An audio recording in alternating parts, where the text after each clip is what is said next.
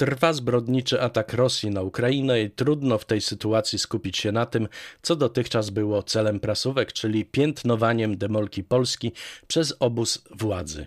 Tak więc dzisiaj inne niż zwykle podsumowanie minionego tygodnia, takie z łyżką miodu i dziegciu. Prasówka tygodniówka z flagą Ukrainy w tle pod redakcją Tamary Olszewskiej 21-27 luty 2022 roku. Czyta Piotr Sobieski. Szokująca reakcja jednej z gwiazd Zjednoczonej Prawicy, pana Terleckiego, na putinowską deklarację uznania separatystycznych republik Donieckiej i Ługańskiej, która usprawiedliwiała wejście rosyjskiej armii na Ukrainę. Wydaje się, że Putin znalazł wyjście z twarzą z tego kryzysu. Uznał niepodległość tych republik, wprowadzi tam wojsko, może zostawi trochę wojska na Białorusi i tyle. Facet błysnął nie tylko brakiem intelektu, wręcz głupotą, ale i całkowitym niezrozumieniem sytuacji.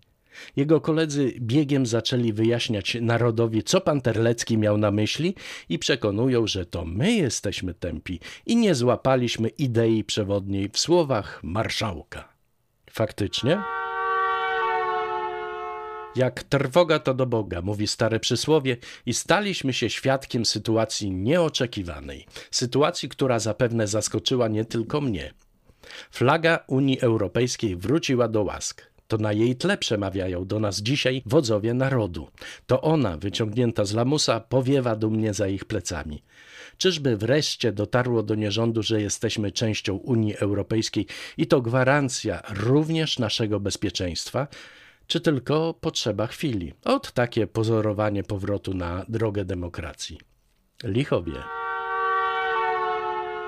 Cudowna wiadomość dla pana Bąkiewicza, nacjonalisty pławiącego się w sympatii nierządu.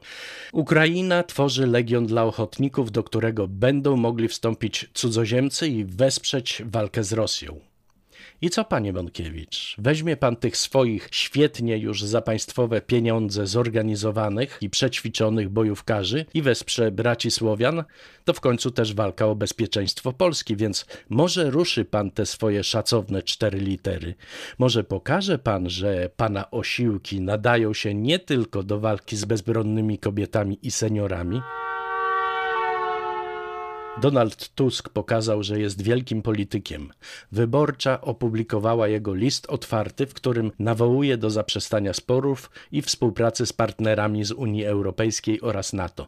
Mało tego, deklaruje pełną gotowość pomocy rządzącym w znalezieniu wyjścia z tej pułapki popsutej praworządności w Polsce i przywróceniu uznanych powszechnie reguł w wymiarze sprawiedliwości, bo tylko tak Polska może powrócić do demokratycznej wspólnoty a co za tym idzie, odbudować nasze bezpieczeństwo i wsparcie.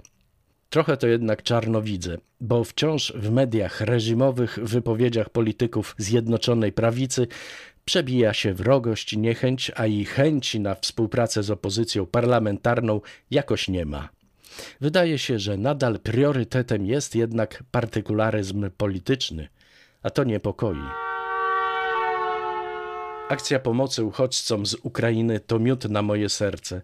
Kolejny już raz Polacy pokazują, że są wspaniali, empatyczni, pełni dobra.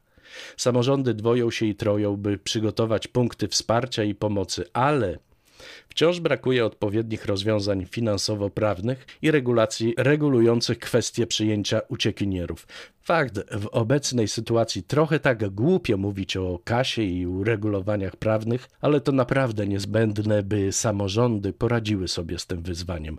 Oby za chwilę, gdy sytuacja już nieco się uspokoi, nie rząd nie wypiął się i nie uznał, że on nie ma pieniędzy, więc samorządy niech same się martwią no i wszystko wróci do normy. I znów wpadniemy w jakiś chaos, niedomówienia i bałagan organizacyjny.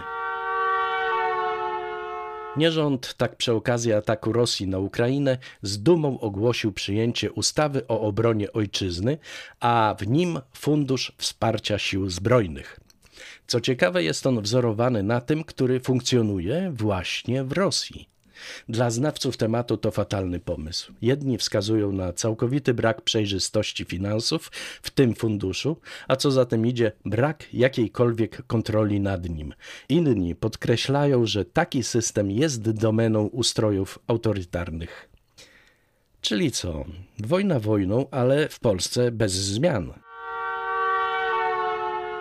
Nigdy bym nie pomyślała, że z uznaniem przyjmę działania Dudy i Morawieckiego. A jednak, nie zastanawiając się nad rzeczywistymi intencjami, muszę przyznać, że to, co obaj panowie robią teraz, gdy świat stoi na krawędzi wojny, budzi moje uznanie. Są bardzo widoczni na arenie międzynarodowej, mówią z sensem i faktycznie świat ich słyszy. Gdybym mogła uwierzyć, że ta metamorfoza nie jest tylko chwilowa. Kto liczył na suchara, tego muszę rozczarować. To nie czas na żarty. Jedyne, co mogę, to pochylić nisko głowę, pełna podziwu dla walczącej Ukrainy. Chwała Ukrainie, slawa Ukrainii.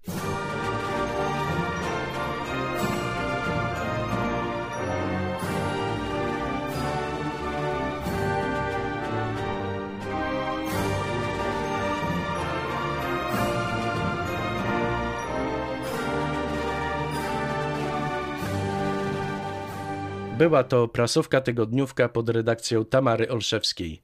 Czytał Piotr Sobieski. Do usłyszenia.